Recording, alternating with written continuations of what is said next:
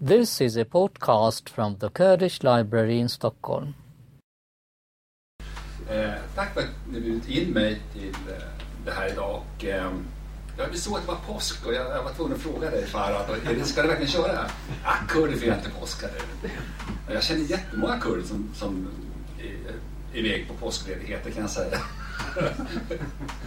men men eh, jag tackar jag av två skäl. Därför att först så Farad och även här på Kurdiska biblioteket och flera har ju varit förutsättning för att kunna göra, driva det här forskningsprojektet. Eh, också att kunna att jag hittat vägar, jag ska berätta lite mer om vägar till att just kunna studera musiken och dansens betydelse för eh, unga vuxna kurder i det här fallet. Då.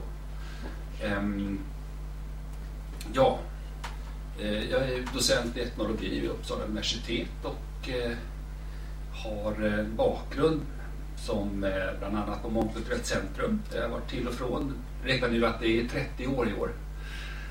Så åren går. Och jobbat mycket med frågor kring integration, migration, diaspora, vardagsrasism och sådana saker. Den här forskningsprojektet då, det här är från Vårberg, en manifestation för eh, offren i Kobane.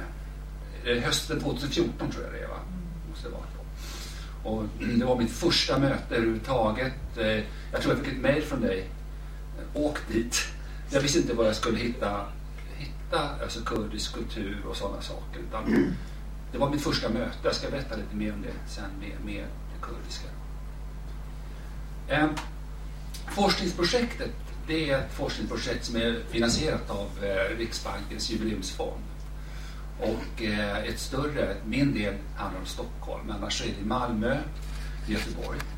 Det är föreningar med nationell eller etnisk anknytning. Vad föreningslivet betyder idag, 2016, 2017 och så vidare. Eh, I Malmö så är det en, en forskare som, tittar, som har följt en finsk förening och en, eh, en latinamerikansk förening. Och I Göteborg så finns det en, vi kallar det för Balkanspåret. Det är alltså romer, det är kroater, det är alla möjliga som finns i de här eh, ganska drivna banden med väldigt drivna musiker i. Och, sådär. och så är det bland äh, äh, gambianer i, i Göteborg och föreningar och sådär. Och så. Att jag valde, jag, min del blev Stockholm och så hjärtat i det här forskningsprojektet ligger i Örebro, musikvetenskap. Så att det är musikvetare som på något sätt står för kompetensen kring musiken och dansen och sådär. Varför jag valde de här, jag valde att studera kurdisk kulturförening och ett svenskt folkdansgille med svensk folkdans. Att det var det kurdiska, det beror bara på helt nyfikenhet. Jag hade ingen egentligen större anledning att just, utan när jag jobbade på Mångkulturellt centrum så, så skapades Kurdiska biblioteket med Nedim och flera. Och det har alltid varit väldigt mycket kulturaktiviteter. Så jag kan säga så här, ren nyfikenhet. Vad är det som gör att det är så intensivt och så mycket? Och varför finns det då kurdiska kulturpersonligheter och varför är det sådär? Helt en, alltså, en privat nyfikenhet egentligen. Men när jag började jobba här i Alvik med, den, med följa föreningen här, Kom Johan, så eh, började jag tänka, men vad, vilken annan förening ska jag liksom studera? Och då tänkte jag att om en förening som har upplevt historisk minoritetssituation, diaspora och allting, varför studera en förening som dansar också och spelar, men som haft en majoritets eh, Svensk folkdans har ju, den här föreningen som jag studerar, Kulturella folkdansgillet i eh, Tyresö, har haft en över hundraårig historia där man har varit en del av det nationella. Varit det sanktionerat och ingenting. Vad betyder, där måste ju också dansen och eh, musiken betyda väldigt mycket. För man är också intensivt med kulturproduktioner, man, man, man repeterar och sådana saker kring, kring musiken. Vad betyder det där? Vad betyder man har en Hur reflekterar man över betydelsen? Så jag tänker inte jämföra de här föreningarna, men jag förstår problemet, frågan om dansen och musikens betydelse på ett djupare plan när jag kan titta på båda föreningarna. Så. Sen har jag slagits av, men det håller jag på nu då, av hur otroligt många paralleller det finns. Det, det, det är när man berättar om känslor som kommer upp när man dansar. Känslor som kommer upp när man sjunger och gör någonting. Det här. Eh, frågorna i det här forskningsprojektet då har ju varit då jag måste vända mig om för jag ser inte byn här så man undrar det är inte av ointresse som jag vänder ryggen mot er. Eh, så är det också forskningsprojektet som stort är att titta på att föreningslivet har ju förändrats i Sverige överhuvudtaget. Jag tänker mig från 1970-talets eh, invandrarföreningar som, som har sanktionerat också från, eh, från statsmakten. Man organiserade invandrarnas kulturfestival och Eh, folkmusikfestivaler och allt. Så det var en annan slags politik. Och sen över 90-talets integrationspolitik och mångfald och fram till idag. Så frågan är vad betyder det att vara med i en förening idag? Vilken roll har en förening idag? Och hur har det här förändrats genom åren? Staden har förändrats, eh, eh, omvärlden har förändrats och så vidare. Vad innebär det då idag? Vilken roll spelar en förening idag? Är det, har den spelat ut sin roll kanske, det som frågar sig? Och vad betyder musiken och dansen i det här? Men framförallt är intresset på individerna och det ska jag komma in på sen att det är faktiskt för de enskilda medlemmarna, det är där mitt intresse ligger. Varför börjar du i en förening? Varför ägnar du dig åt dans och musik? Vad betyder den för dig? Vad händer med dig? Vad gör du när du dansar och sjunger? Och hur kopplar du det till en eventuellt eh, grupptillhörighet eller någonting och så vidare. Eh, intressant också när man just tittar på just föreningsverksamheter att oftast vill ju föreningar någonting, vill skapa någonting, förändringar i ett samhälle eller föra fram någonting. Så man är ju en del av det här så kallade civilsamhället. Och med en tid där staten drar tillbaka sitt ansvar väldigt mycket för de här frågorna så blir ju civilsamhället, föreningslivet mycket, mycket viktigare i det här. Och eh, när det gäller musik och dans kan man säga att just föreningar eller personer som drar till sig många andra personer som musiker eller eh, i danssammanhang så, så blir det liksom en en hubb, en ansamling, ett centrum för kontakter, sociala nätverk. Till exempel är det inte ovanligt att, att institutioner eh, som jobbar med musik och dans är inkörsporten. Till exempel många nyanlända som kommer som är professionella musiker, dansare eller kulturpersonligheter. Att de kommer genom föreningar, eh, genom att träffa andra eh, som sen förmedlar sina kontakter. För oftast som säga, kurdisk professionell musiker eller dansare eller något man håller på så man på med ganska många olika genrer, olika delar i samhället. Så att man blir liksom kanaler för varandra. Så därför är mycket forskning nu handlar ju om hubbarna, alltså de här ansamlingarna kan man säga. Det finns också politiska dimensioner som jag ska komma in på. Och eh, det politiska här behöver inte innebära att det är partipolitik eller etnopolitik. Att bara driva en förening, att kräva ett utrymme att få uttrycka sig har en politisk dimension. Som jag ska tala lite grann om sen. Just den här föreningen som jag har följt, som försöker vara opolitisk. Men att, bara uttrycka kurdisk kultur är en politisk handling. Så att ni förstår omöjligheten att vara opolitisk. Och så. Men hur man balanserar det där tyckte jag var intressant. Och vilka, vilka vilka val man gör att vara, vara icke-religiös och opolitisk. Men en förening är ju aldrig på något sätt politisk. Den vill något, oavsett om den är etnisk eller en annan slags förening. Den vill ju åstadkomma någonting i samhället. Så det här är frågorna som vi ställer oss då, oavsett vilken förening vi, vi närmar oss.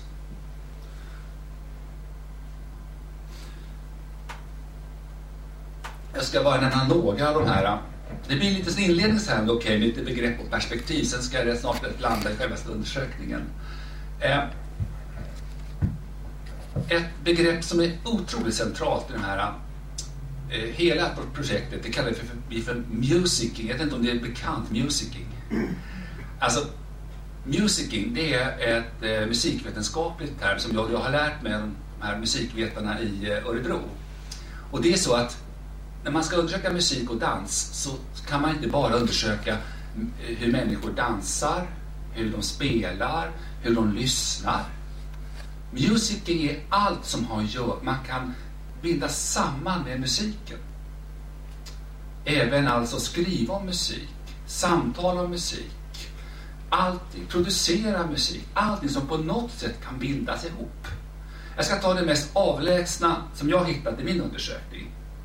Det är när man har en eh, stödkväll här i Alvik för eh, Kobane. För det som händer. Offren, man ska ha en stödkväll med artister, det är musik, det är dans, det är mat. Eh, det blir en jättefin stödkväll med många artister och eh, mycket folk som kommer. För den här summan som man fick in så åkte tre unga medlemmar ner till eh, ett flyktingläger på gränsen mellan Syrien och Turkiet, tror jag det var. Nu. Ja. Och för pengarna som man har med sig på ett kort går man på en marknad och handlar till, till barn, förnödenheter och saker till barn i ett flyktingläger. Samtidigt för en amerikansk organisation, kurdisk organisation, haft, som haft en liknande grej i USA, reda på att de är där. De skickar lika mycket, om det är 30 000 till, som de får och handlar för och jobbar där. Då kan man säga, mellan artisten, dansen här en kväll, en höstkväll och förnödenheter till barnens flyktingläger så är det ganska långt. Men, music, men utan musiken, dansen, så skulle inte de här pengarna kunna samlats in. Förstår ni? Mm. Så att musicing är alltså det allra längsta. Eller när jag berättar minnen om musik i Kurdistan för mina barn när de växer upp. Och de minns vad jag minns. Förstår ni? De minns inte Kurdistan, minns inte musiken, men de minns pappa, mamma, hur de pratar om musikalt tillfälle. Då är alltså, när det här barnet då blir 20-årsåldern och kommer hit och börjar dansa och sjunga och berätta om vad musiken betyder. Så berättar man, ja mamma, pappa brukar alltid lyssna vet du, för han var ju där, han minns när han gjorde så och så i Kurdistan när han var liten. Så från pappas barndom till det man gör här, i tid och i, alltså, i både tid och avstånd. Så musicing-termen, den får en att eh, se vidden och allvaret och, i musiken och dansen. Den hjälper att förstå att det är något mer än bara stå och hoppa och dansa och ha kul. Det är någonting mer för människor. Ja. Sen finns det då, som jag ska komma in på sen, etnicitet som en föreställning om en kulturell gemenskap. Det man skapar tillsammans. Ehm, Levnadsberättelsen tycker jag är viktig som metod för att i levnadsberättelsen kan en människa berätta själv vad den vill tala om. Och man kan fråga om tid, barndom, vuxenblivande, framtid. Man kan fråga om andra situationer. För det som är intressant i just den här föreningen då, det kan man säga att här har vi väldigt engagerade eh, unga människor. Men som de flesta som har ett engagemang i en etnisk diaspora eller liknande så är de lika engagerade i andra saker i samhället. Det kan vara partipolitik, det kan vara läxhjälp, det kan vara massa olika saker. Så levnadsberättelsen hjälper att hitta flera sammanhang än bara det här så att säga inom föreningen. Men jag, jag har tagit spår där många gånger genom åren att de här som är mest engagerade i föreningar i, framförallt för, för diaspora, är ofta nattvandrare, de är engagerade i andra sammanhang. Alltså det är typiskt. Hans svärfar som satt och skrev den estniska, folk, säger, estniska konsthistorien i exil här i Sverige. Han brann för det, för, för det estniska eh, och så vidare. Så under exilen så skrev han konsthistorien. Alltså han tyckte väldigt illa om estnisk folkmusik. Och i hans övriga liv som han lika engagerad i massa andra sammanhang i, alltså i svenska samhället. Men, så jag känner igen någonting i det här engagemanget. Att eh, det finns en föreställning om att bara för att man är väldigt djupt engagerad i en grupp, etnicitet, så är man liksom avstängd från resten av samhället. Och det där har jag aldrig sett att det, det stämmer då inte oftast, kan man säga ja, diaspora transnationalism kommer jag också komma in på lite grann. Och diaspora-perspektivet är också nödvändigt att det som händer här påverkar det som händer där. Det som händer där påverkar det som händer här. Man är en del av flera sammanhang och så vidare och det går inte att stänga, bort, stänga av att man inte också är medlem i en diaspora. då, då skulle det bli konstiga perspektiv. Och jag ska komma in på det här diaspora-perspektivet också.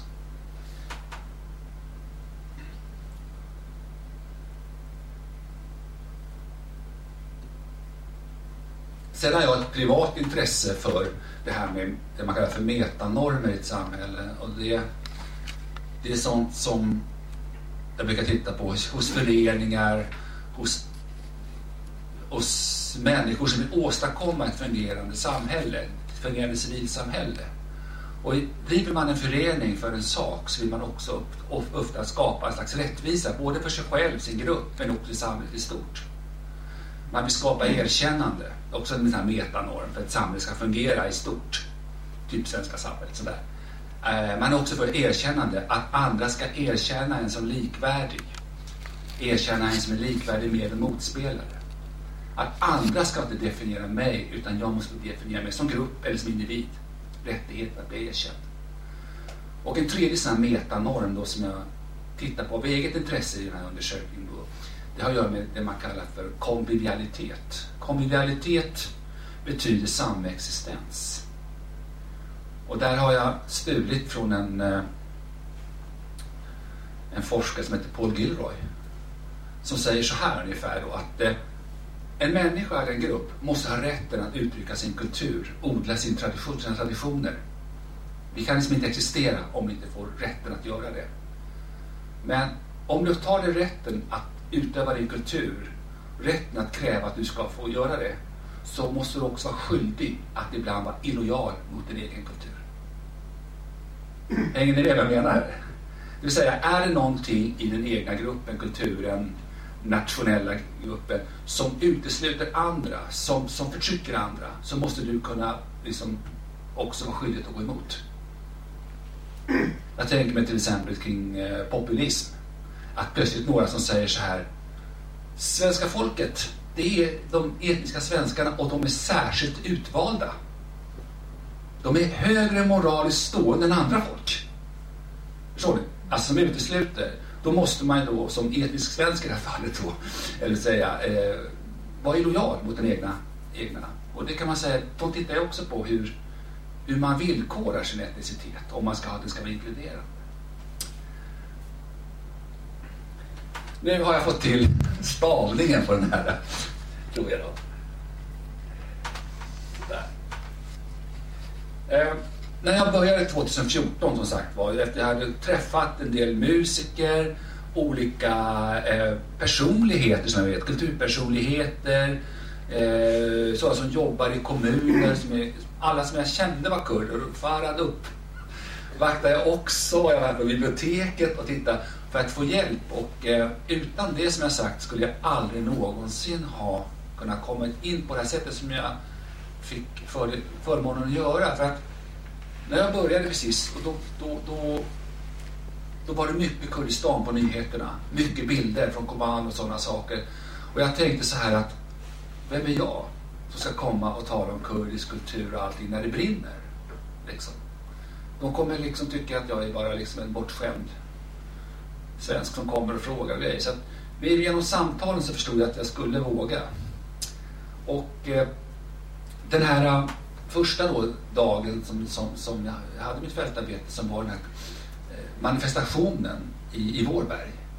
Där jag filmade mycket, pratade med folk, intervjuade och gick runt så försökte jag få en uppfattning om vad det här var och hur, hur man såg på det och var jag skulle kunna börja jobba. Och eh, det här är, ni kanske ser, det är Dalkurd som sätter upp flaggan på stängslet. De klättrar och jag höll på en halvtimme tror jag jag fick upp den här jätteflaggan som man säger. Då. Och så, det var fotbollsuppvisning, kändislag och kanske flera av er som var där också. Eller, eh, och det var Opinion Kurdistan då, som är också en sån här organisation eller hubb som, som på något sätt försöker överbrygga någon slags bred kurdiskt anslag. Då. Och eh, på den här dagen så, så träffar jag också Hejar Buhoki eh, som eh, var en av artisterna. Och eh, jag kommer att träffa honom flera gånger sen och följa honom. Och, eh,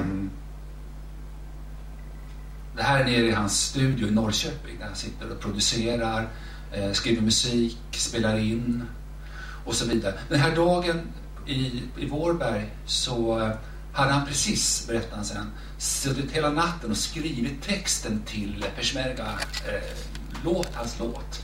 Så han hade papper där, men det blåste mycket den dagen. Så papperna blåste iväg så han sprang och letade dem för han liksom kunde texten och sådär. Va? Så när jag tar kontakt med honom efter han är med på en stödgala här så har, då sitter han och producerar videon till den här Peshmerga-låten. Så att jag åkte ner till Norrköping eh, där han har sin studio i, i, i källaren i, i ett hyreshus och där han producerar andra artister. Han är också utbildad för eh, video, musikvideoproduktion. Och han säger att han hittar fantastiska kurdiska miljöer i Östergötland. För han sa att jag måste, jag måste improvisera, jag måste göra, är det någonting, till exempel dra, dramatisk eh, kurdisk musik, och då hittar jag någon borg några klippor. Jag hittar bra fina miljöer i Östergötland. Och så kan det vara så att musiken, eh, man gör pålägg i Turkiet, mixas i, delvis i Irak och sångpålägg i Österrike som det var då. Så att eh, sitter där i källaren i Norrköping och gör de här musikproduktionerna. Eh, ja, och här fick jag också kan man säga en levnadsberättelse om en musikalisk uppväxt och hur man har hittat sina vägar och hur han skriver och gör sin musik och den kurdiska musiken. Jag tänkte att vi skulle, okej okay, att ni lyssnar lite på den här Peshmerga då som jag vet också kom tillbaka sen i föreningen som påverkade medlemmarna väldigt mycket när han var med den här kvällen. Ska se, fungerar det?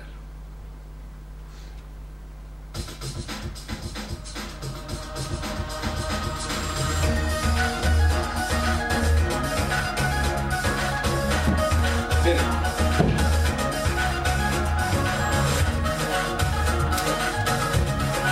i studion då, jag kan inte kurdiska så han sitter och översätter rad för rad med mig vad det betyder. Då, det här.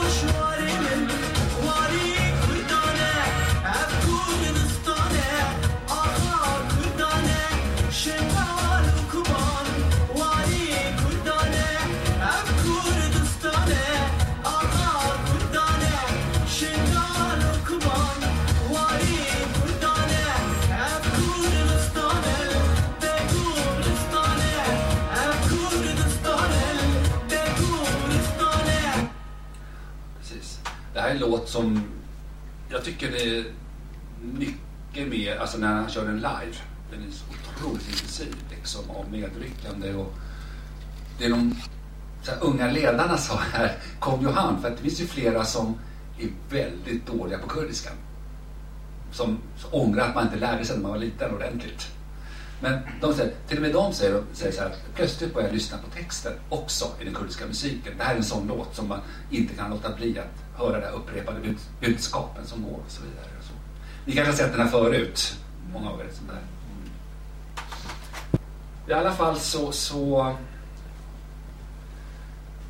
var det början och jag menar att jag kom just, och nu kommer jag nämna idag och eh, kom Johan då för att vi har kommit överens om att eh, jag har skrivit en, tillsammans med en, en musikvetare, en artikel om eh, det vi kallar för attunement, hur människor Alltså hur musik, känslor och sånt där fungerar. Och då, skriver, då berättar de här om sin barndom och så vidare. Men vi har gjort så hittills och det kommer jag göra i fortsättningen också. Att allt jag skriver kommer först att läsas. Och då kommer vi överens om, ska vi då anonymisera, jag anonymiserar alltid alla medlemmar och sådana saker. Men alla vet ju vilka de är och så vidare. Så, men, eh, så den här artikeln som var ganska djuplodande, den, den skickade jag ut. Och då fick man läsa först. Och, eh, men det var, alltså, de, de var jätteduktiga, vi har hittat precis liksom sådär. Så då, nu står det kom Johan i den artikeln. Så vi kommer göra likadant med de andra artiklarna också. För att det är väldigt det är inte speciellt kontroversiellt men det är väldigt nära, väldigt nära, nära människors sätt att uppleva saker och så. så. Eh, jag vet inte hur mycket ni känner till kring Kom Johan men det är ju som en, eh, egentligen en avknoppning från Comcar men svenska Kom Johan är mycket mer alltså mycket mindre kopplad till Comcar än vad det är till exempel i andra europeiska länder. Man är mycket mer, som säga, markerat opolitisk och icke-religiös, eller framförallt opolitisk i det här fallet. Då. Så när man träffar andra unga människor från Kom Johan i andra länder så har de oftast mycket mer så här, kurdiska frågan, politiken på agendan än vad man har här. Ehm, när 2014-2015 så, så hade man ju tre danskurser. Eh, först små, små barn upp till nio Sen upp, en grupp, mellangrupp upp till 14 år och sen en från 15 uppåt, unga vuxna dansgrupper då som tränade och eh, och den äldsta dansgruppen hade också föreställningar och sånt där. Man hade Temur kurser eh, även nordkurdiska och eh, eh, hade, öppen förskola hade man ju startat då. Det, det var också att man för de allra minsta barnen med föräldrar också att då börjar man själv att översätta eh, svenska barnvisor till kurdiska. Och så att man sitter, vad är, vad är tummen, vad är det här, fast på, på kurdiska då och så vidare. Och sen så vet jag att flera kurvor tittar tittat på en översättning, alltså de har rättat till dem och förbättrat de där texterna på hemsidan där och, och sådär. Men det är öppen förskola i alla fall och så vidare. Och kulturaktiviteter. Um, när man frågar medlemmarna, och nu ska jag framförallt uppehålla mig kring de unga dansledarna. De unga dansledarna är i nedre 20-årsåldern. Ehm, alla är födda i Sverige. Eh, de har också en annan gemensam sak, att ingen av dem är, alla är uppvuxna i områden, bostadsområden där det fanns ganska få andra kurder i skola, bland vänner, haft lite kurdiska vänner och lite, ska jag säga, kurdiskhet omkring sig mer än sin familj. Lite i olika grad och sådär och så vidare. Och när man, jag tänkte ta fram tre teman ur de här intervjuerna. Och eh, vad dansen och musiken betyder. Det första temat är hur man berättar om eh, musiken. Vad betyder musiken i ens barndom? Alltså musik överhuvudtaget. Och eh, vad kom det sig att man började, att man sökte sig hit till Alvik och började i föreningar? Och hur var det att börja? Och då kommer jag också in på det andra temat att eh, när man ska börja liksom dansa och jobba med musik, då är det kropp, känslor, det är kropp som ska lära sig att röra sig på ett speciellt sätt också. Eh, dans och uttryck. Och hur man berättar om det här och vad det betyder.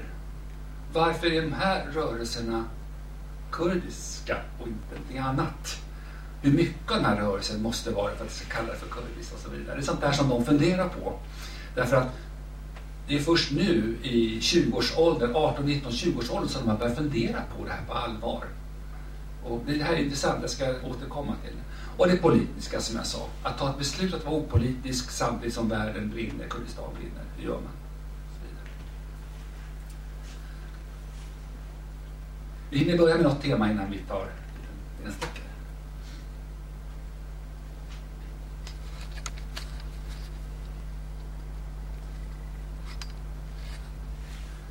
Det jag sa, intressant det här med barndomen och barndomens musik och minnen av minnen. Mycket av minnesforskningen just som anknyter till eh, diaspora och sådana saker tar ju upp det här och krigssituationer också.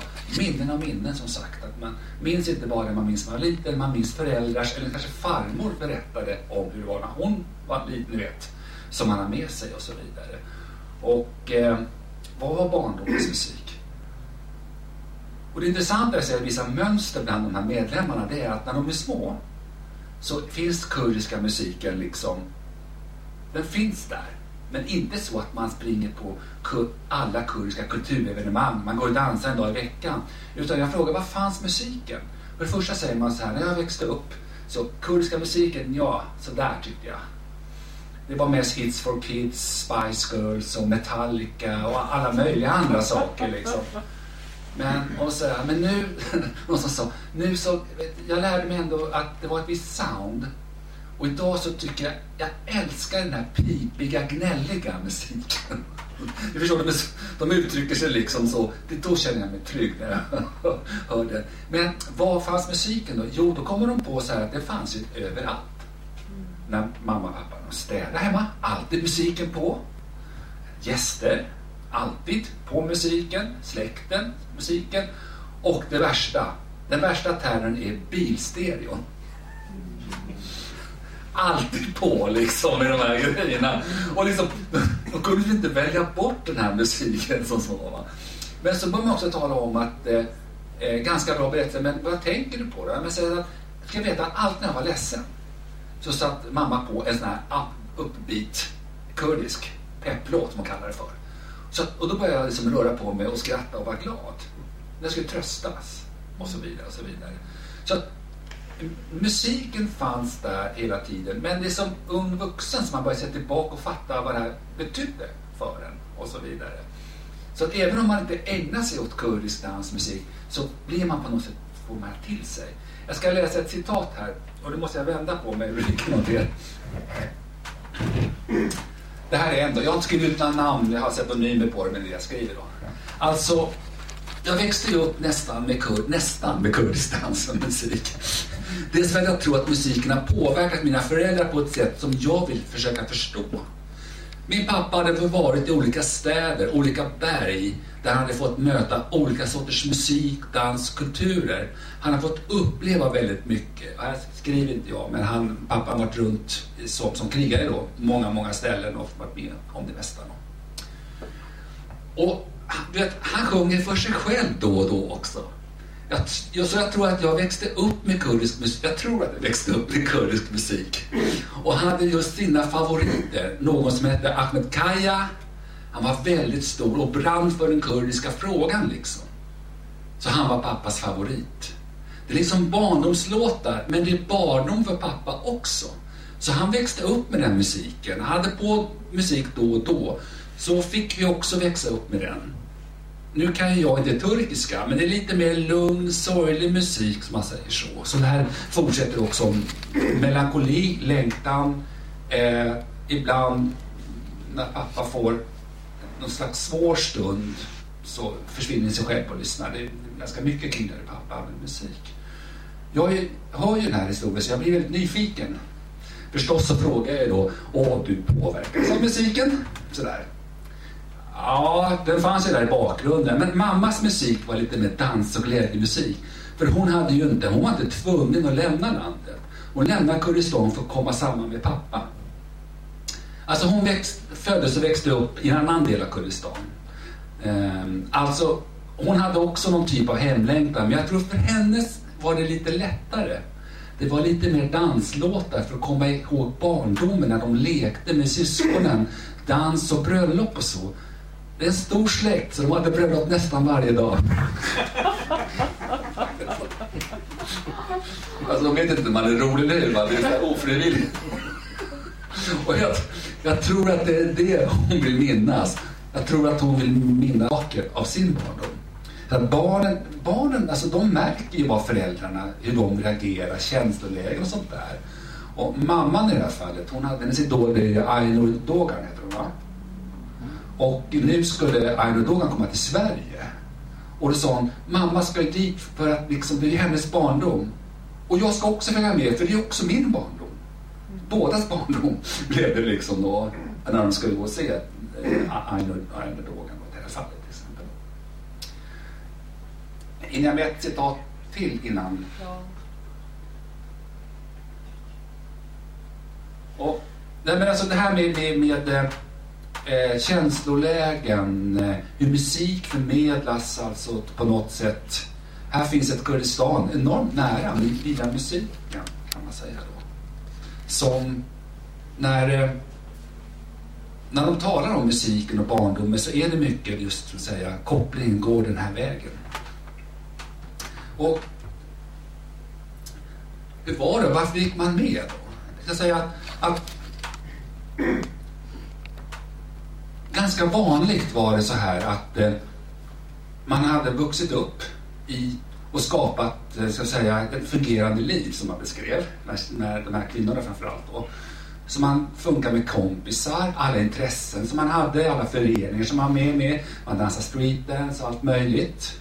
Och eh, började plugga på universitetet till exempel. Och ett fungerande liv. Men någonstans verkar det vara 16, 17, 18 där någonstans kommer den här funderingen liksom att man inte har gett plats för någonting som man haft med sig, en kurdiskhet. Och försöka få in den här kurdiskheten i sin sätt att vara, att leva på något sätt. Och börja utforska kurdiskheten.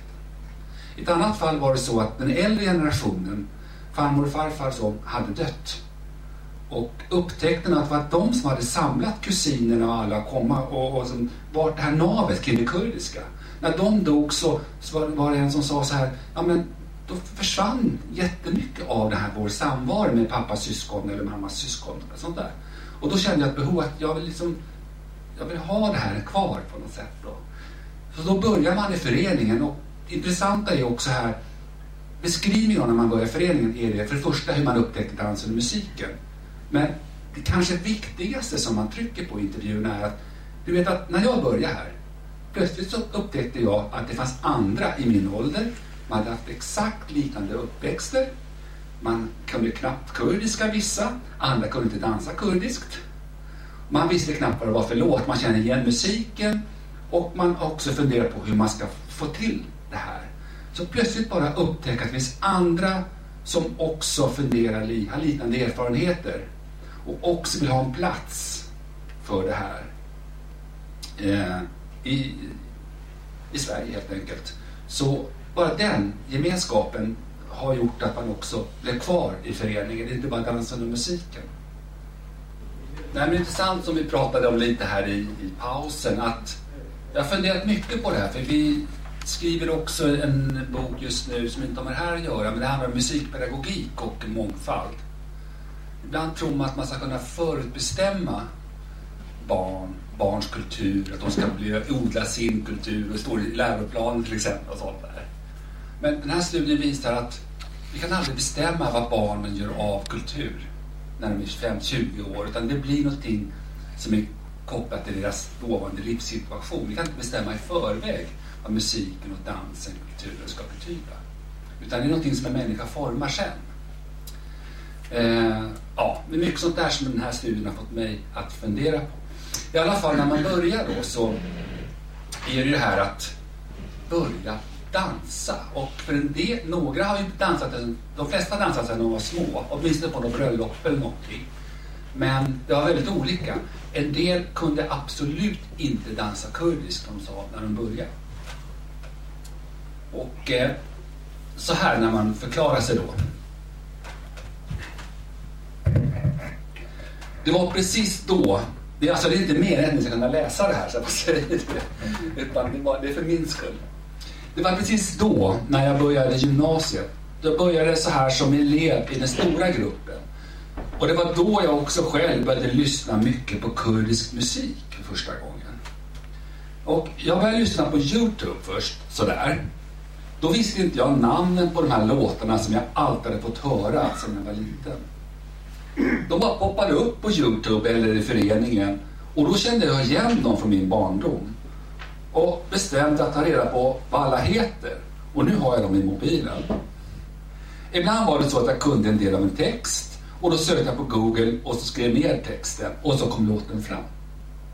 Alltså, det är en melodislinga, det är en textsnutt och på något sätt börja samla in vad kurdisk musik är för någonting och få sina egna spellistor. Men ofta kom det, jag kommer inte ihåg vem artisten var, jag kommer inte ihåg vem, eh, vad låten hette, men man kommer ihåg en liten, liten textslinga som gick i bilen till exempel och sånt. Och sen upptäcka och göra sina egna låtlistor.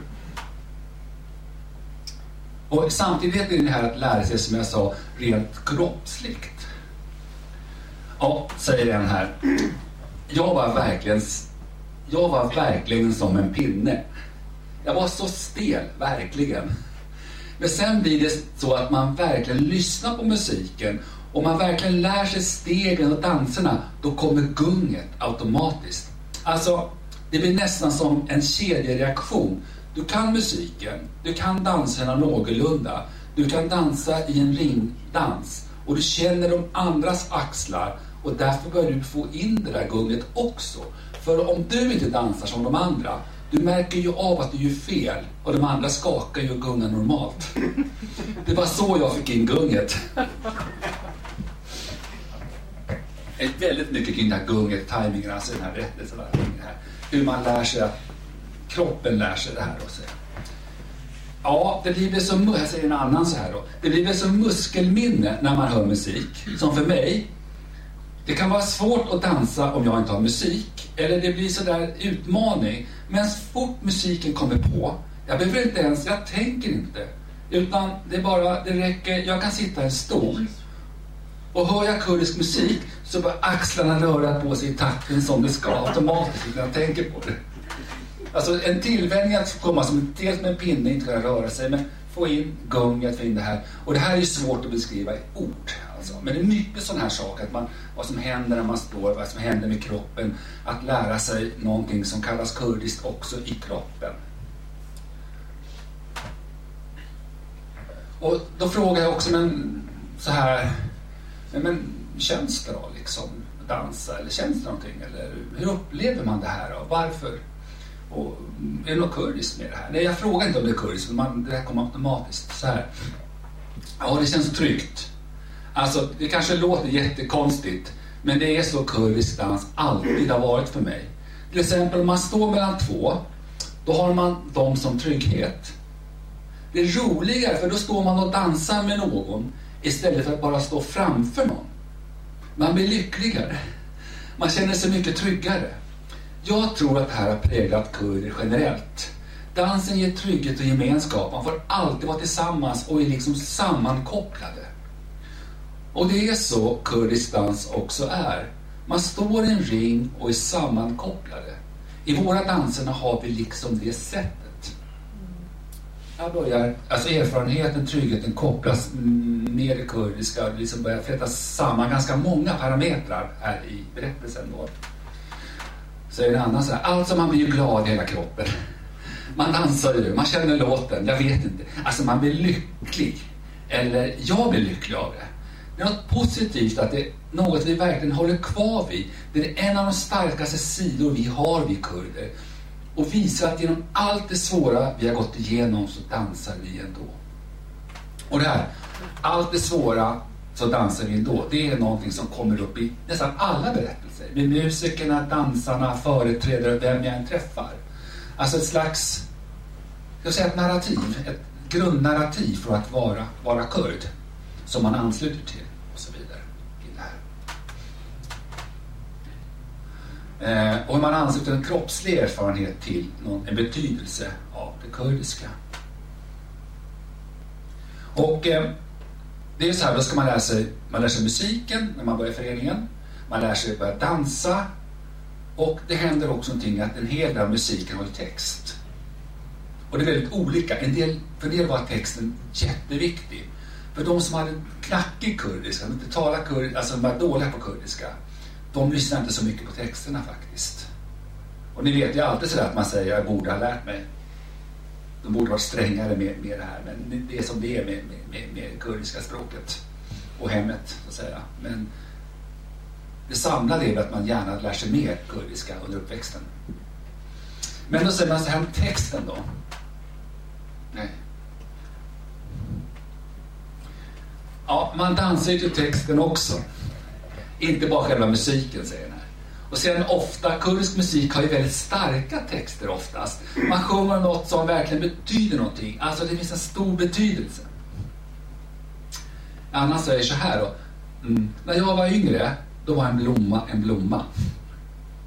Och det är liksom nu på sista tiden som jag har förstått det. För det är väldigt svårt att förstå det. Eh, och jag tror att det var det som var tanken. För det är ganska farligt att uttrycka sig för kurder. För kurder var ju någonting som inte fick finnas. Så det är på sista tiden som jag har förstått det. Eh, och jag har blivit mer intresserad genom Kong Johan. Det blir att jag räcker ut handen för att lära mig mer. Och det är nu jag märker till exempel, jag har kusiner som är mycket yngre och de vet inte alls det här. De tror fortfarande att en blomma är en blomma. Och så vidare.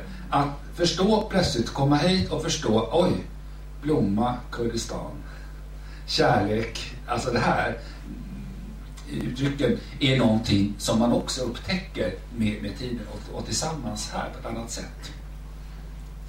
Ja. Så att eh, rörelser, musik, texter, allting på något sätt ingår i det här som flätas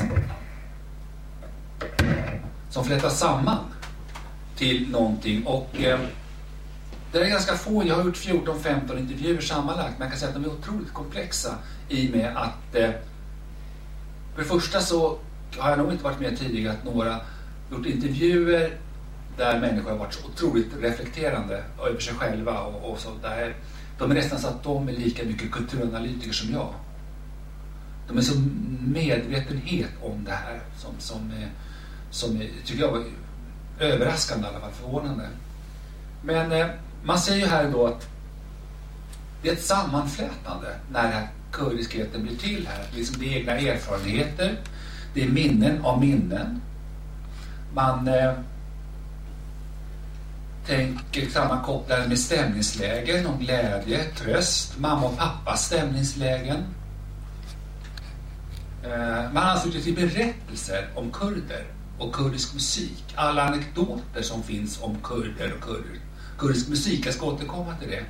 Men man ansluter till det man kallar för ett masternarrativ. Och inte bara egna erfarenheter, men om hur kurder är. Hur det har alltid varit viktigt för kurder att dansa och, och sjunga och varför. Man ansluter till det här masterskriptet, vad man kallar det för, berättelsen som talar om vad det innebär att vara kurd, man hämtar näring ur. Jag ska återvända till det.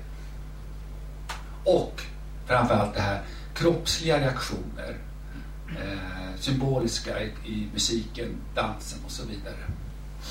Som på ett väldigt intrikat sätt flätas samman hos en människa och framförallt får sin betydelse utifrån det, det liv man lever här och nu.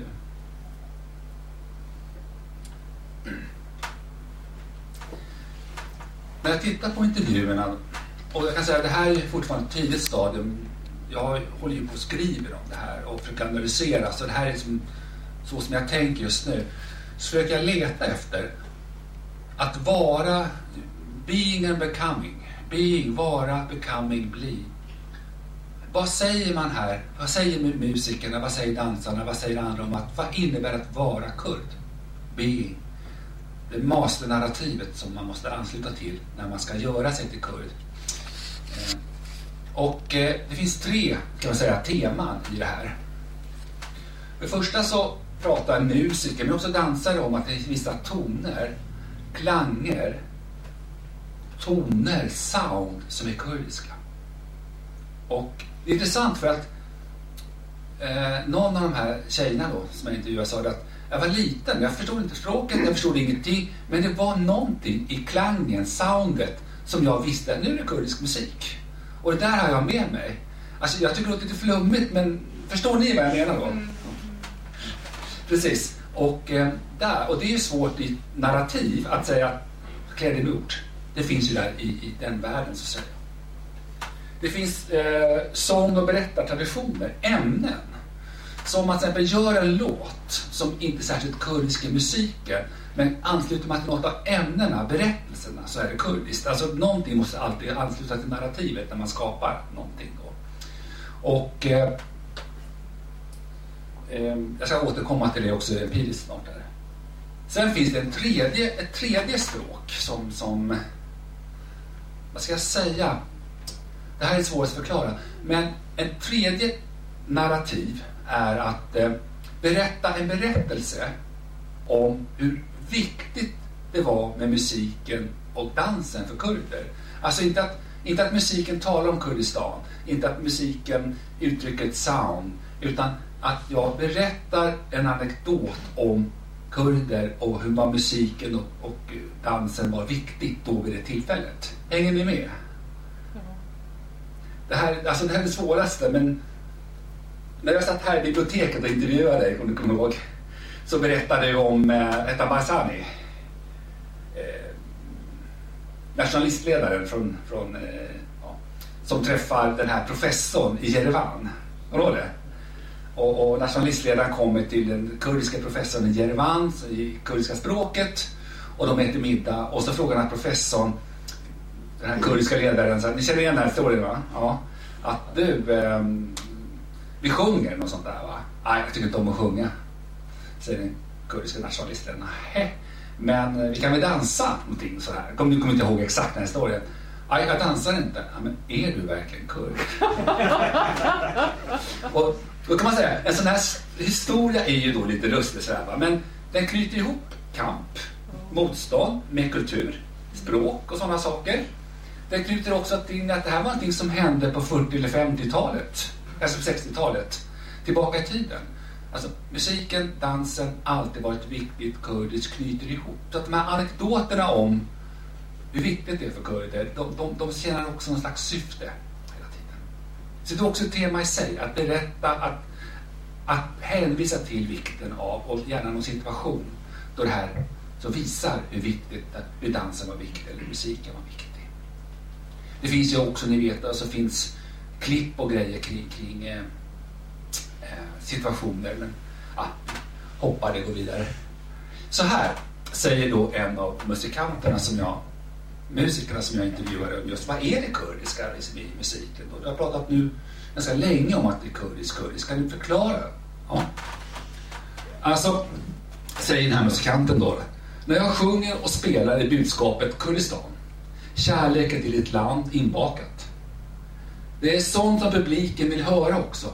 När jag sjöng på föreningens stödgala kunde det handla om en martyr. Om en krigare som offrar sitt liv. Ja, det gjorde jag nu senast. Det kan också vara en berättelse om en herre eller en som är kär i en tjej, men sånt kommer inbakat. Sjunger man om en kvinna så är det egentligen Kurdistan symboliskt. Min stil är den klassiska, traditionella, då, med, eh, med en lite modernare ton. Men jag sjunger också John Hadjos låtar också. Han gör ju ganska modern kurdisk musik och det gör han bra. Och där är det texten. Den handlar ofta om Kurdistan, hur man saknar sitt land. Så länge man behåller sånt där så kan man experimentera hur man vill. Kärnan måste vara kvar. Det får inte vara helt tomt. Lätta melodier är de som blir mest omtyckta inom kurdisk musik. Men det ska relatera till livet själv, livets rytm. Texten får heller inte vara för individuell, liksom jag är kär. Texten ska vara kollektiv. Jag får respons från publiken när jag tar upp kollektiva saker. Det väcker känslor hos folk. På något sätt så, så uttrycks det att så länge det finns någonting av den här skripten, någonting i kärnan. Det kan vara ämnet, aktualiteten. Och den här musikern säger också, när jag är på bröllop, alltså när fester folk är uppsluppna, jag måste alltid ha en aktualitet som ansluter till de som finns där. Annars är jag rökt. Alltså jag kör, Det finns andra som kan spela. Och så vidare. Så det finns någon kontakt i detta då. En annan musiker säger så här. Alltså kurdisk musik beskriver mycket sagor, krig, orättvisa och kärlek som man inte lyckas med. Vi har sådana berättelser bland det kurdiska folket som är finare än Romeo och Julia, finare än Shakespeare. Mycket starkare och finare, men som inte kommit ut. Du ser själv hur kurderna har lidit i många år och kurderna är ett folk som inte kan leva utan musik, för musiken är viktig. Även om det inte finns några instrument så sjunger man. Därför har vi något som heter dengbesh. Det finns instrument som är vanliga inom kurdisk musik, men även om du ger kurd en gitarr så spelar han ändå efter kurdisk smak. Det är som matlagning. Musiken har sin särskilda smak hos oss. Om vi skulle spela fiol skulle vi spela upp med kurdisk smak. Det finns ett exempel som jag gärna som jag kan visa dig. Att spela upp ett klassiskt stycke med, med, med den kurdiske violinisten Dalshad Said. Det här är äkta kurdisk musik. Det finns inte mer kurdiskt. I det här finns inget turkiskt, utan det är äkta kurdiskt. Jag tänkte att jag kunde få spela ett klipp med, med mm. det här.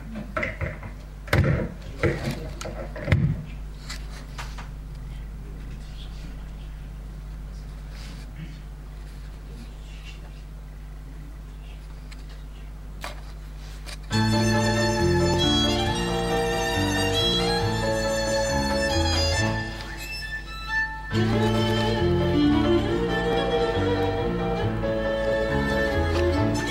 är ett gammalt klipp som du ser. Han har gjort sin peshmergasvit och grejer som han har eh, också aktuellt.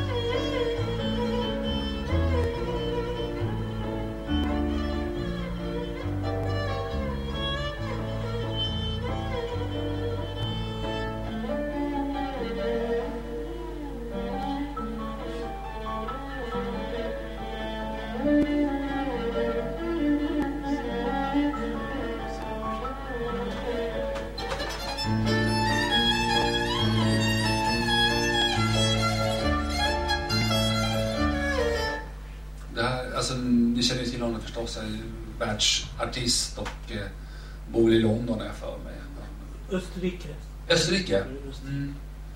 Och det finns fantastiska klipp också när han spelar med Gävle symfoni, jag vet inte, eh, symfoniorkester och, eh, och framförallt den här Persmerga körverket och det är från Österrike tror jag det är fantastiska eh, saker då. Men det här är exempel på en musiker säger, du vet du kan inte, det kommer alltid vara kurskt. Mm sound i, i det här. Och så. Jag har försökt lyssna lite grann för att eh, lyssna också när han spelar andra saker, du vet. Och jag undrar, men det är förmodligen mitt öra är inte tränat. För när jag hör när han spelar något annat verk, som absolut inte som ett standardklassiskt verk, så kan jag inte höra riktigt det där. Men personen jag intervjuar sig, du hör detta. Ja. Så.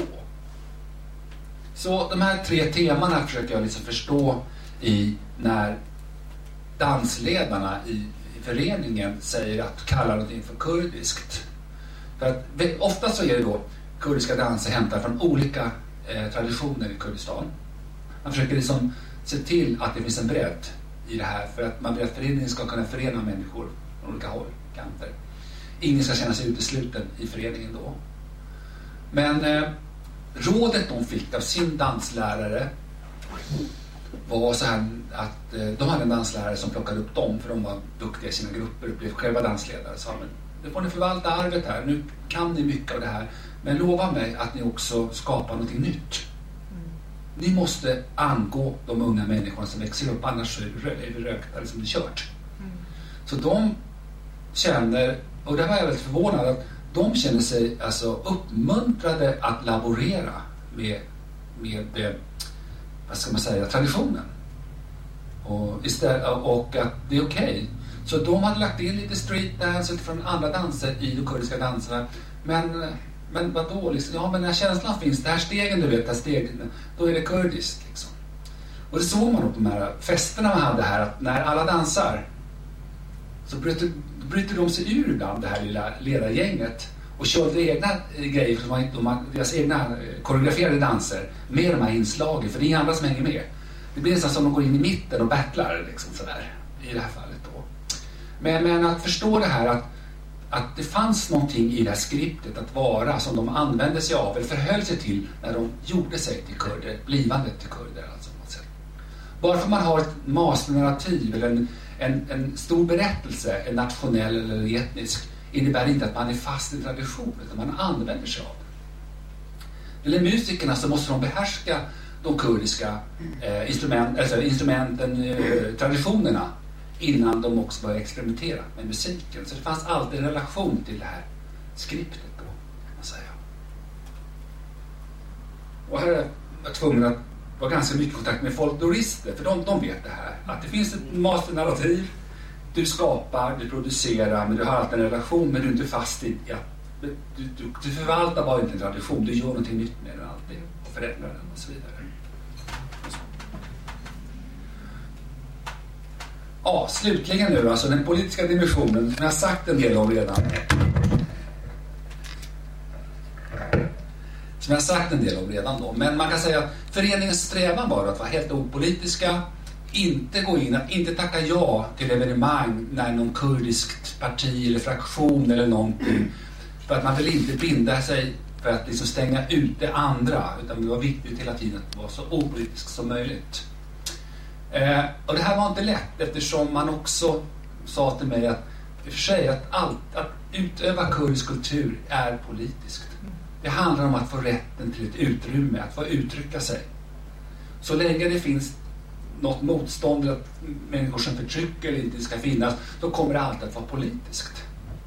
Eh, men som sagt var, när, när det här hände då så kan man säga att, att när det verkligen blir saker som händer i realtid, man följer släkt, vänner, bekanta, andra kurder i realtid direkt vad som händer just nu i Kobane och så vidare. Så blir så, oavsett, det går inte att hålla ifrån sig som många sa. För en vanlig fundering, jag vet inte om ni känner igen det här, var så här.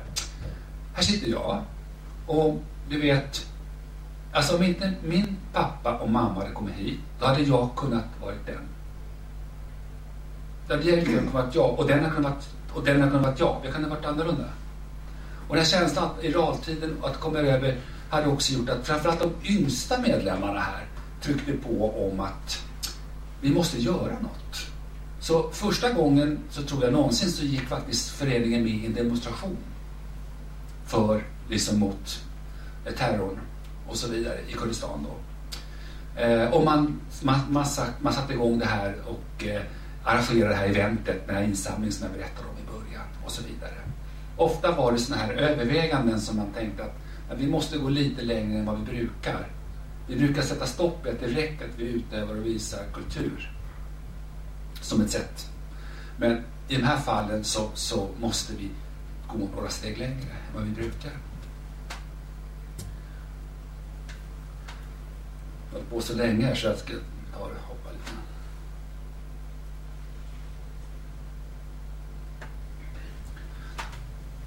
Det, om man tittar på vad andra har skrivit om den kurdiska diasporan och eh, unga människor så kan man se att det som andra har funnit, andra kurdiska forskare har funnit, hittar jag också. Och med hjälp av dem förstås.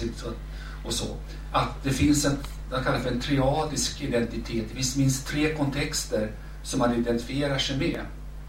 Dels till eh, den kurdiska diasporan, kurder, släkt, vänner för det första på en nivå i olika länder i, över hela världen som man har kontakter med. Eh, kulturproduktion, musik som skrivs, eh, kulturyttringar som sker i olika länder kring, mot, kring det kurdiska som man är också en del av. När föreningen till exempel åker till Tyskland för att ha ett möte med andra konjohan från London, olika tyska städer och så vidare så upptäcker man att kanske de som kan kurdiskan bäst de som kommer härifrån. Det blir engelska med de andra kurderna. Och då upptäcker man till exempel att nej men när vi börjar dansa på kvällen, då hittar vi språk. Då kommunicerar vi tillsammans och vi dansar, Lärarnas danser och allting. Dansen töjer liksom och skapar någon slags gemenskap som inte skulle ha funnits på samma sätt kring det här. Så diasporan är, man är en del av diasporan, absolut, på många sätt. Men sen har vi också Kurdistan som jag sa som anknyter just genom dansen och musiken just till föräldrars berättelse om eh, stämningslägen och sådana saker. Det som händer nu, släkt, vänner och sånt, att det som händer i Kurdistan påverkar den här och det man gör här, både personen, det som görs på kurdiska biblioteket och många andra saker påverkar saker i Kurdistan. Det finns en, det finns en, säga, en diasporisk eh, relation Kurdistan. De här unga som inte är födda i Kurdistan.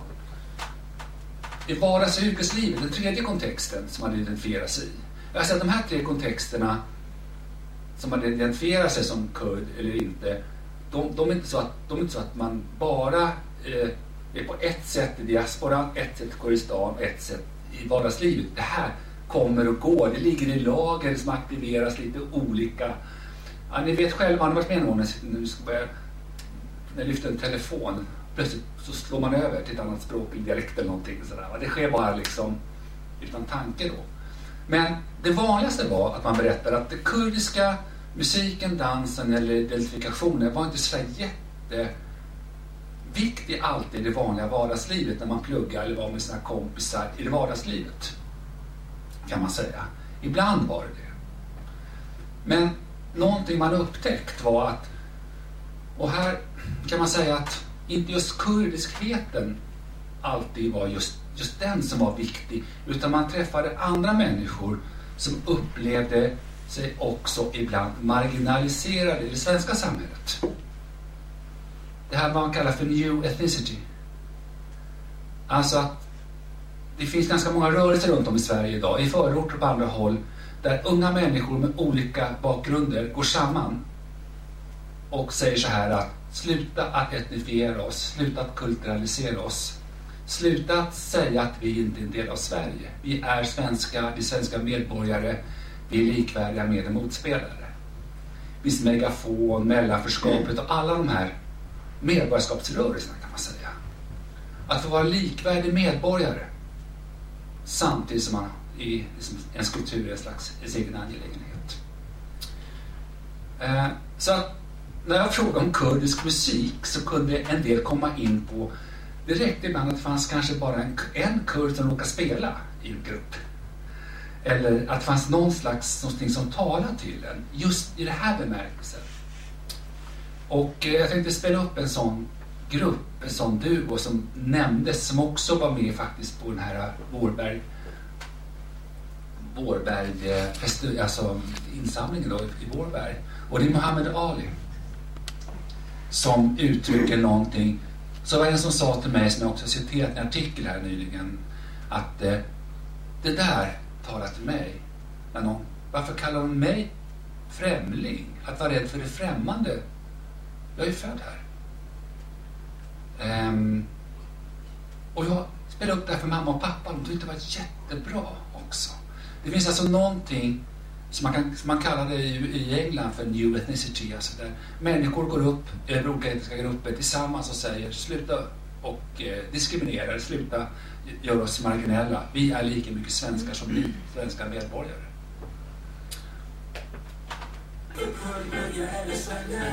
Jag växte upp med vänner ifrån fattiga Här i Sverige vi svartskallar invandrar utländskt Men i mitt hemland blir jag kallad för svensk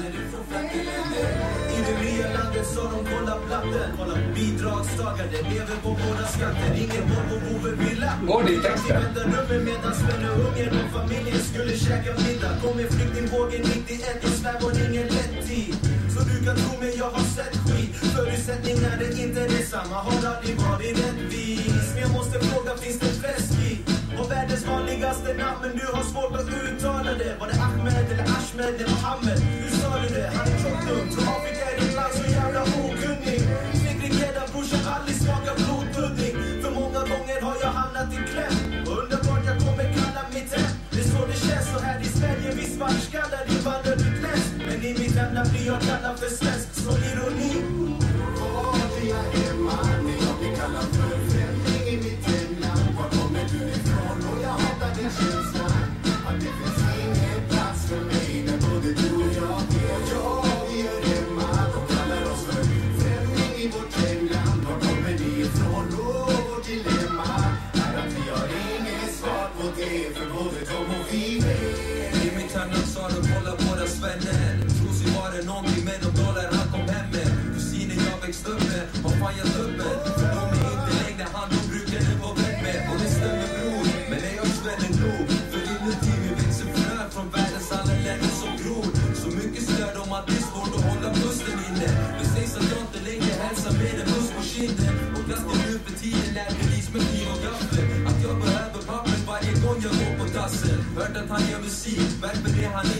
Än? Varför kallar han sig muslim om han nu har en flickvän? Så jag tar nästa flyg hem, van vid att vara i ett hem Ghetto barn utan förutsättning att kunna bli svensk, bli svensk, bli svensk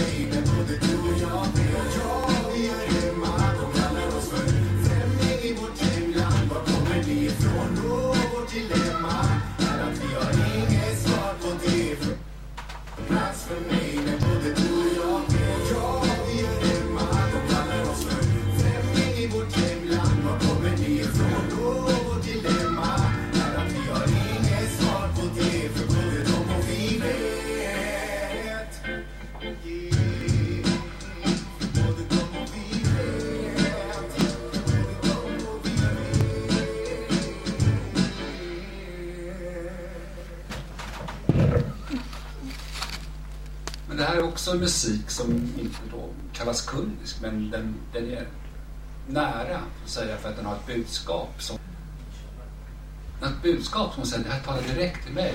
Jag, jag känner det här. Och eh, man kan säga det som finns, estetiken i den här eh, videon här med Muhammed Ali är ju, som ni ser, en inkluderande etnicitet. En etnicitet som fungerar både att jag har rätten att odla min tillhörighet och uttrycka och samtidigt ska det vara någonting som fungerar i ett samhälle som man står för det här. Det vill säga att det är individen som avgör hur och när man vill bli kallad och vad det innebär. Det är inte omvärldens förväntningar på när andra ska bestämma det här. Och den där gemensamma erfarenheten är någonting som Muhammed Ali försöker uttrycka och så jag tänker på att för mig är nästan det om det finns ett kärnbudskap i verksamheten här så är det väl just det att skapa en inkluderande Alltså ett kulturellt uttryck, kurdiskt uttryck som, som skapar också en slags inkluderande etnicitet. Det låter lite motsägelsefullt men, men, men som fungerar i ett samhälle, som fungerar tillsammans med andra, en, som är välkomnande men ändå rätt att odla så att säga. Och eh, det är också, i de här intervjuerna finns det också det jag kallar för en illojalitet. Att man kan också tala om saker man inte gillade hos vissa kurdiska fraktioner eller vissa inom kurdisk gemenskap, människor som hävdar att, att de är bättre skickade moraliskt eller att det finns saker som kan göra att, att eh, skapa ojämlikhet mellan kön eller vad som helst. Saker som man på något sätt var väldigt noga med att markera att det här hör inte hemma här. Och samtidigt som musiken och dansen var det här att man kunde laborera med etniciteten, bjuda in och utveckla den, blanda den. Det här uttrycket som Hamid Ali här, det här skulle aldrig vara möjligt utan musiken och dansen. Om man bara stod och pratade här. Och samma sak menar de i föreningen, att det är liksom genom musiken och dansen som man kan laborera med det etniska, skapa nya betydelser, lägga till nya element och på något sätt vara det här. Så att eh, jag tänker som avslutningsord, som jag tänker med det här, att på något sätt har det här projektet betytt för mig att tidigare så, eftersom jag så har jag tänkt också på dans och musik som lite kuriosa. Det är ting man visar upp på en festival. Olika etniska föreningar och så vidare. Va? Och många forskare också säger att ja, det här med dans och musik, det är sånt där uppvisningsetnicitet. Men, men den här fältarbetet och den här analysen har visat att hur otroligt centralt just dansen och musiken kan vara och vilken betydelse det verkligen har på det här sättet. Jag öppen för frågor nu helt enkelt. Vi har en moderator här. Jag ska bara se till att det blir rätt ordning. Det är du som besvarar förstås. Ja, varsågod. Jag reagerar lite på det du sa om att du var förvånad över det här starkt reflekterande draget Mm. hos dina intervjuer. Ja. För det är väl, eh, mot bakgrund av det du samtidigt säger om triadisk identifikation tycker jag det är ganska naturligt att de börjar reflektera över eh, var de hör hemma. Då har vi ett folk, att göra med ett folk som är berövat en egen nation. Mm. De befinner sig i en främmande kultur där de ska försöka hitta sin plats i livet. De befinner sig under politiskt och kulturellt eh, korstryck. I den situationen blir man väldigt reflekterande. Ja, alltså jag har ju intervjuat många i den situation, alltså en liknande situation. Man kan säga att det finns inte något, så att säga, bland de här unga som jobbar, så finns det inget alltså, jätteutsatt. Utan det här är någonting som man börjar med någon slags nyfikenhet. Det finns ingenting, man, man, man har en mycket, mycket väl integrerad plats i Men- samhället. De, alltså det här, de, de pluggar och de jobbar och så och så vidare. Men, de påminns väl hemma Ja, om alltså- det här ursprunget och den Ja. nation man alltid drömmer om som In, en inte bara hemma, för att en del hade föräldrar som inte var särskilt jätteengagerade. Utan faktiskt var det så här att, som, som en beskrev, ja, det är jag och min brorsa, vi har engagerat oss i det kurdiska. Vi tycker mamma och pappa, de har ju aldrig gjort något. och sådär. Utan, nej, det, nej men alltså, det jag funderar på, det kan kanske ni andra fundera också. Det jag tyckte var särskilt med det här, det är det att, att det finns en, en, så att säga, väldigt analytisk dubbel, dubbel medvetenhet. Alltså man ser både sig själv, men ser sig själv utifrån. Man pratar om det kurdiska som, som jag skriver, som en medveten social konstruktion. Vi plockar ihop det här och så tycker jag att det här och det här är äkta kurdiskt. Alltså, du är medveten om att du plockar ihop någon, en föreställning om det kurdiskt, men du tror på det. Och det är djupt. Men det behöver inte sammanfalla med andra kurders upplevelse av kurdiskhet. Nej, men alltså, man, man känner sig tillåten att göra det. Här, Okej. man säger, sin egen. Men det som skiljer, och jag tror att det har att göra med en månghundra år, eller så, här, lång minoritetsutsatthet situation som gör att det är väldigt skillnad till exempel om du kommer från en grupp som var nationell majoritet i ett land majoritetsmedlem eller om du kommer från en minoritet som har varit som är en diaspora. Jag, jag kan jämföra ibland den assyrisk-syrianska diasporan, den armeniska diasporan, den judiska. Att det finns en särskild sorts medvetenhet av, jag vet inte om det är så, men alltså den är det finns jag funderar på mycket i alla fall här, att det är liksom de vet exakt vad jag är ute efter utan att liksom nämna det på något sätt. Får jag rycka in här? Jag tror det beror också på i, i, i fallet med kurder Mm. eftersom i ena, eh, till exempel i turkiska Kurdistan, så var det förbjudet att kalla sig för kurd. Och kommer man hit, det är fritt, eh, språket utvecklas, kulturen går framåt, så blir man mer, mer fokuserad på sitt eget, på sin egen tillhörighet.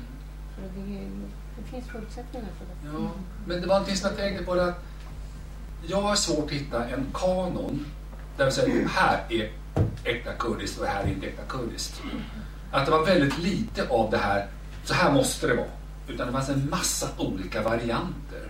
Både regioner och allting. Eh, utveckling som hade blandats upp med andra saker och så vidare. Att det fanns en väldigt medvetenhet om att det liksom är att det finns en slags eh, att det, finns en, att det också är en del av en konstruktion i så betydelsen att någonting som jag vi lägger ihop. Och Alltså- som är ständigt pågående. Denna Ständigt pågående, ja precis. Va? Och ä- jag brukar fråga, men vad är äkta kurdiskt då? Ja men det är, sen, det är känslan, eller att det finns den här äh, Gunget. gunget eller nerven att, Tillhörighet, tillhörighet också. till- ja, men att det ska, an, att det ska angå. Att det ska angå. Vad sådana saker då? Som, men jag, jag, det här, nu pratar jag bara på för att det här är mitt material, jag har inte skrivit klart. Förstår ni? Jag har liksom inte en sådär. Men det är någonting kring det reflekterande som jag tycker är, är spännande. Liksom. Och, påtagligt just för den Ja, att det är med, de är, jag har precis påtalat att det är med, de är medanalytiker eh, på ett annat sätt än jag har varit med om förut. Vad har du då jämfört med för andra etniska grupper som inte har haft det här? Oj, oj, oj, oj, det är massvis. Massvis. Turkiska grupper. De här inte? Nej, och en del kurder som jag intervjuade för 30 år sedan. Så kallade konjakurder, kullokurder. Som eh, tillhörde säga, familjer som har tryckt ner kurdiskheten totalt. Till och med föräldrarna förbjöd liksom. Hade inte det här. Eh, massa olika. Men däremot har jag hittat ibland bland grupper som ligger väldigt nära det svenska ibland i tanken. Bland polacker och sådär som du vet som blir kallad för, ja du är så svensk. Och så blir man tvungen att reflektera över, det här känns inte alls, jag känner mig inte som det. Och så måste jag sätta ord på det här liksom. tiden, va? Så att eh, det är enormt, det kan vara väldigt stor skillnad alltså. Det är personlighet också. Mm. Lina? Jätteintressant eh, föredrag.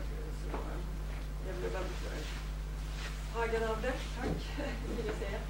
Eh, Jag funderar lite kring det här med liksom, när det väldigt ändå kopplat till individens identitet. Liksom, hur identiteten egentligen formas. Eh, Framförallt den etniska identiteten som är del utav det och som är under regression eftersom världen förändras och vi lever i något slags globalt samhälle där de gamla teorierna inte läng- längre egentligen kan besvara hur identiteter konstrueras i olika konstruktioner. Framförallt blir det som att ungdomarna är väldigt mycket berörda av den här nya globaliserade världen där det här blir extra viktigt för dem. Och någonstans så fick jag liksom funderingar kring just det här reflekterande delen. Det är ju också en, lite kopplat till hur majoritetssamhället egentligen bemöter de här ungdomarna. Liksom. Blir de inkluderade av majoritetssamhället och hur, hur majoritetssamhället ser på dem? Blir de betraktade som svenskar eller blir de fortfarande betraktade som en ny generation med rötter liksom, i olika länder, associeras med olika länder. Eh, och ibland tror jag nog när jag pratar med ungdomarna så brukar de själva liksom uttrycka det. Vi är födda i Sverige, men vi blir inte betraktade som svenskar utan vi får hela tiden liksom de här frågorna liksom, vart vi kommer ifrån. Och även när vi själva uttrycker att vi är svenskar så blir vi nekade till den här liksom, svenskheten. För det finns ju någonting där tror jag, liksom, en brygga där liksom, som kanske gör också att de här ungdomarna som du har liksom pratat med, eller som jag pratar med ofta, upplever något slags behov utav identifikation med, med någonting. Där det är liksom kärnan för individens välmående, att man ska komma må bra det liksom, för att kunna fungera som människa kan jag tänka mig. Så jag vet inte hur du resonerar. Jo, alltså, men jag har tänkt på det här också, men så, så här, de uttrycker det, men det är väldigt, jag säger i det här fallet, väldigt modest och nedtonat. Eh, där man säger att sägs mer jag har utvecklat en identitet som funkar väldigt bra. Men jag kan höra undertonerna och när man hänvisar till Muhammed Ali, att det där är jag, så finns det en nivå här som jag inte riktigt förstår du, når. Som på ett, ett sätt tror jag är lite mer, jag vet inte, antingen att man undanhåller det eller så har man inte reflekterat just den nivån. Men jag, jag, jag känner ju av den när man tar upp det här och i föreningens också strävan, för jag vet att föreningen sa att, att man är jäkligt irriterade på det där. Att, eh, att, man liksom inte, att man inte ska vara liksom fullt erkänd som svenska medborgare. Och att det är ens egen angelägenhet, för det finns en föreställning i svenska samhället att man måste välja någonting. Är du svensk eller kurd eller något sånt där? Va?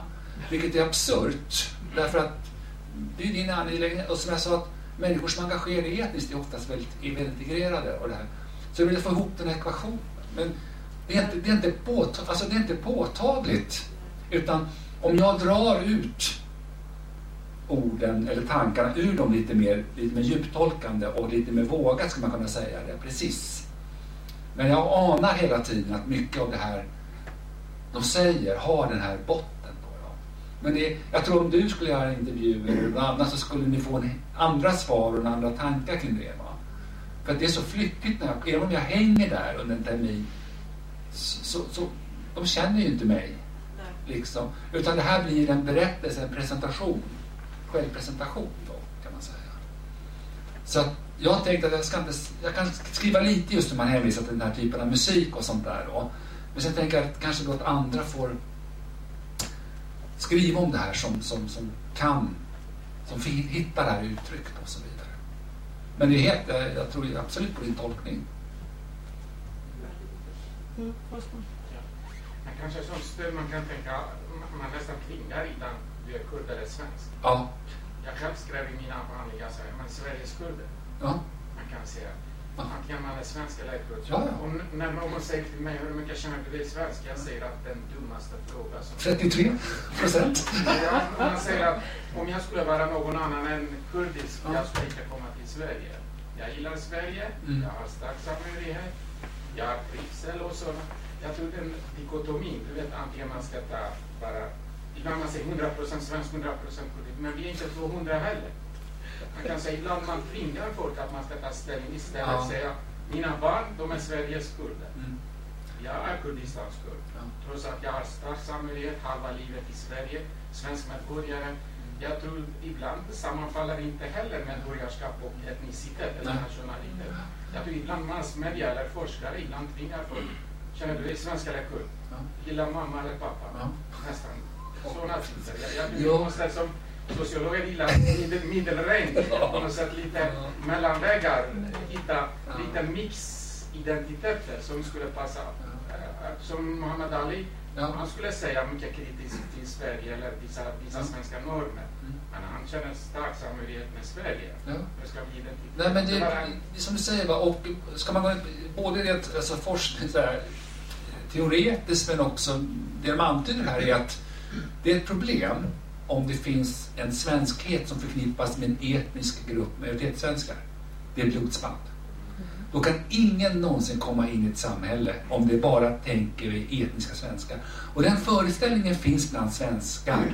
Att svenskarna är den etniska gruppen. Ni vet kring det här Kronogården, var det, var det, det här mordet som skedde när den här journalisten säger om Kronogården, ja, eh, här bor en massa barn som inte är svenska. Då tänker hon alltså på etnicitet, ras. Alla barn var svenska medborgare där. Men det, det är det där, så att säga, att, att, eh, att ha en omgivning som måste liksom göra att man ska välja någonting som inte går att välja. Eh, och på något sätt så kan man säga, finns det en politisk mission i sån här verksamhet till att visa det? Komplement här om. Det är, jag tycker svenskarna har också etnicitet. Där man, man tvingar Ja, ja. svenskarna att de ska inte säga vi är etnisk svenskar och sådana. Ja, absolut. Om man, om man är trygg med sin identitet, om man inte har maktordning eller om man prioriterar inte någon etnicitet. Jag tror om du frågar alla vad är etnisk musik, vad är etnicitet? Alla skulle tänka alla utom svenskarna. Så svenskarna har inte etnicitet enligt dem. Nej, När man säger precis. etnisk musik, det bara blir invandrarmusik eller andra, Mm. eller etniska maträtter.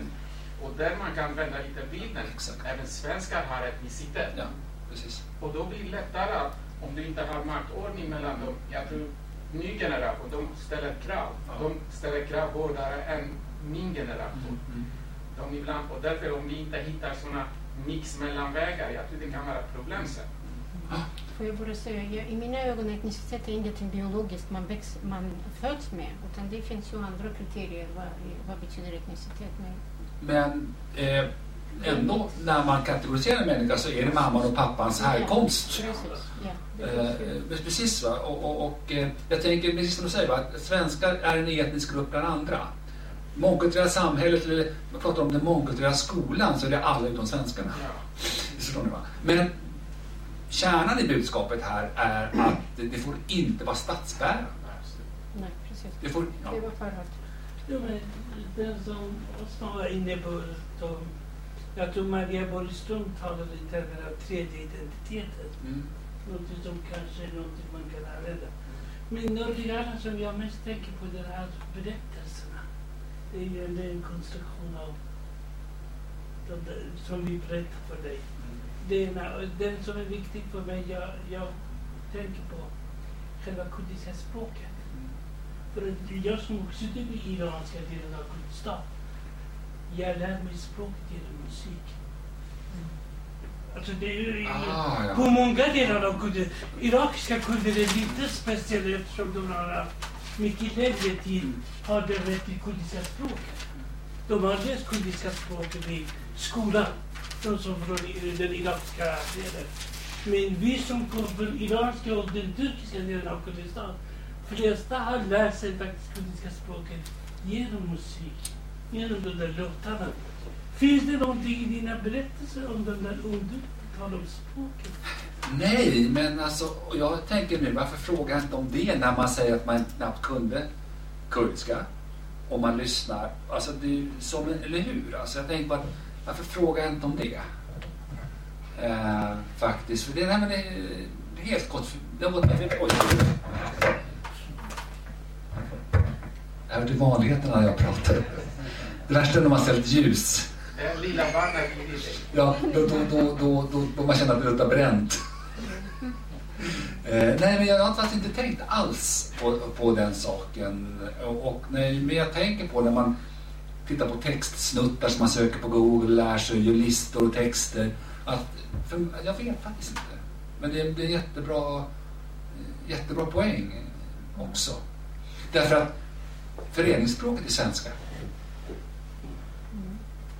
Kursen är på svenska, eh, sammankomsten är på svenska. Men lite av code switching, utan folk vet så blir det, man går man på kurdiska. Och då hör jag bara att man säger tunnelbana och sådana grejer, svenska ord som, som, som dyker in sådär. Och sen så tillbaka igen, men ofta är det svenska.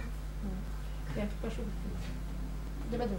precis. Eh, Jag tänkte på, eh, du har undersökt eh, två generationers Egentligen, i stort sett. Alltså Ja. din generation Ja. som kom som politisk flykting Ja. eller andra som Mm. har eh, arbetskraft Mm. och våra barn. Och eh, det här eh, relationen, hur de har eh, tagit eh, kulturen, musik, språk och sånt från sina föräldrar, deras reflektion, deras upplevelse av hemlandet och så.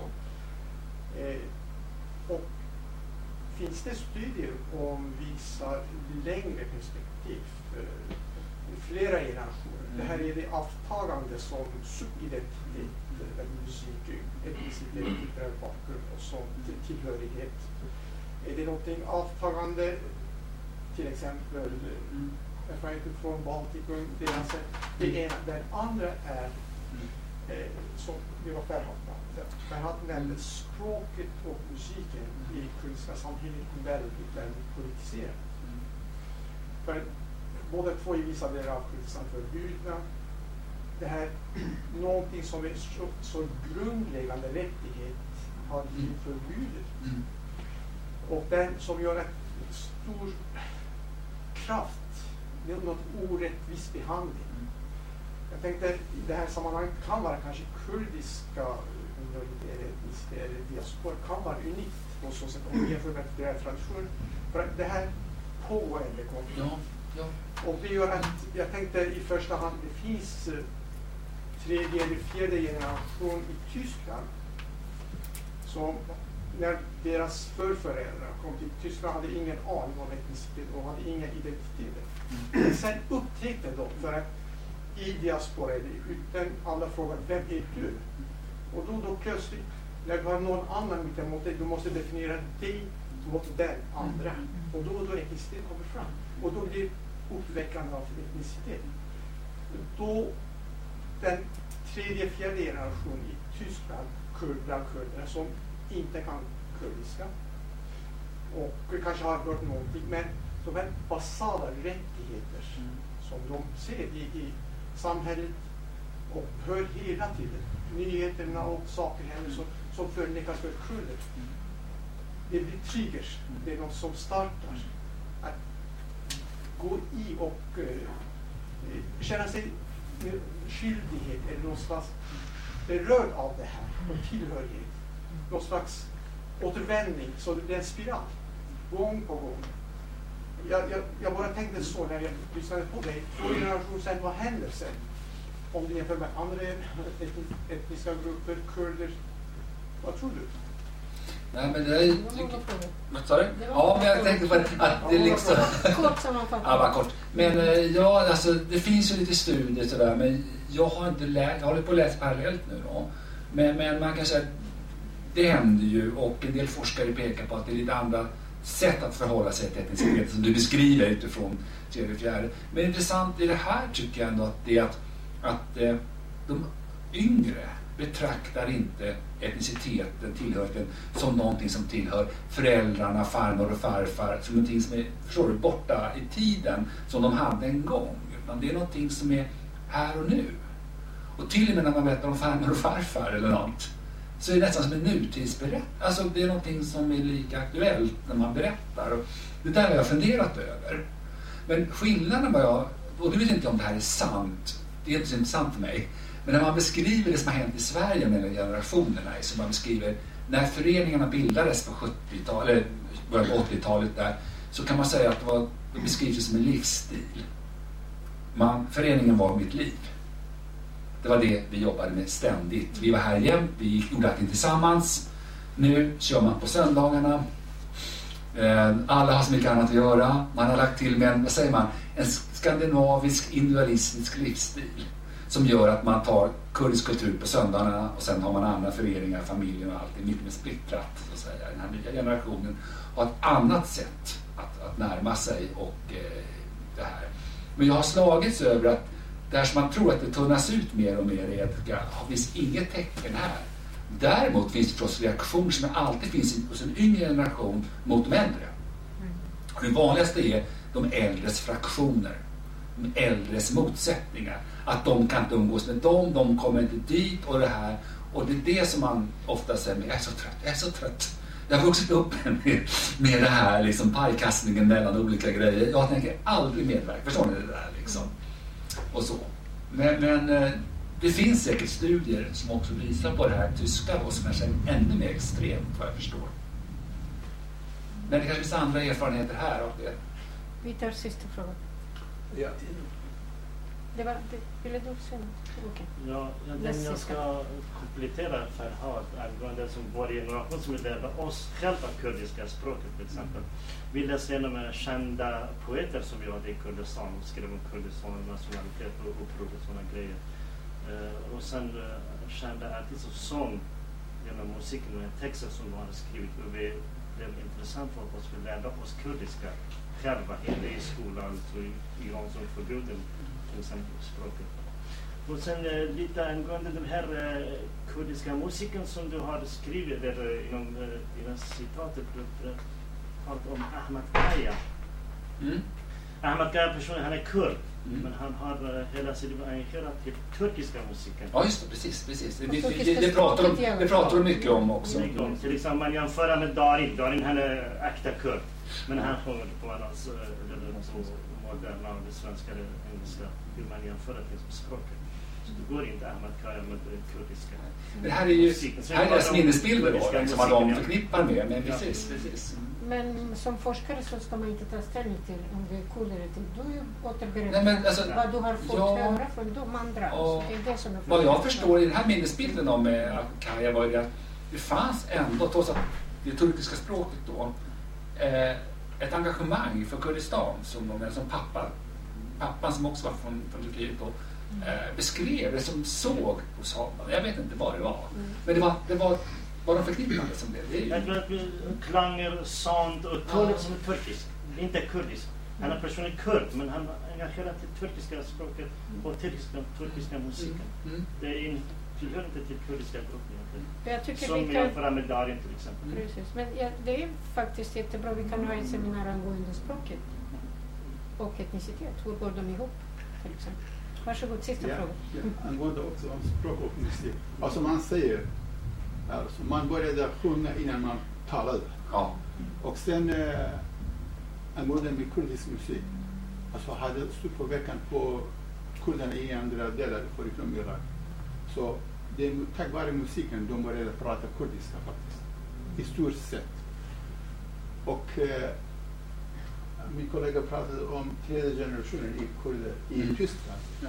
Alltså, kanske kurderna har behov genom musiken att tala kurdiska. Men om jag pratar om ett annat minoritet, en annan minoritet här i Sverige, till exempel araber, Mm. turkar. De har nation, ett nationalstat, Ja. ett, ett skriftligt språk. Så eh, de eh, behöver inte, alltså jag kan tänka mig att tredje och fjärde generationen kommer att tala modersmålet också. Utan uh, vissa svårigheter. Men för kurderna, det kan vara mycket svårt att tala kurdiska så länge vi inte har ett skrivet språk. Så i detta sammanhang, vi vi fokuserade bara på kurdiska, men om vi pratar om arabiska till exempel, hur går det till?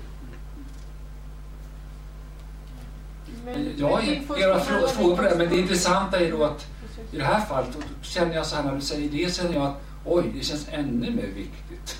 Det här att om det är som du säger Farad också att man når språket, man når det här genom musiken och dansen fortfarande i Sverige 2017. så är det någonting om musiken och dansens aktualitet och, och vikt och sånt där som är, är ju... Det känns ju bara som att jag har börjat, förstår ni, liksom nosat på, på, på jag tänkte så här när jag började, jag ska lära mig allt om kurdisk musik. Då säger, vi, då säger vi så, Oskar. Om ett år så kommer du hit med ny forskning med nya resultat. Ja. Okej?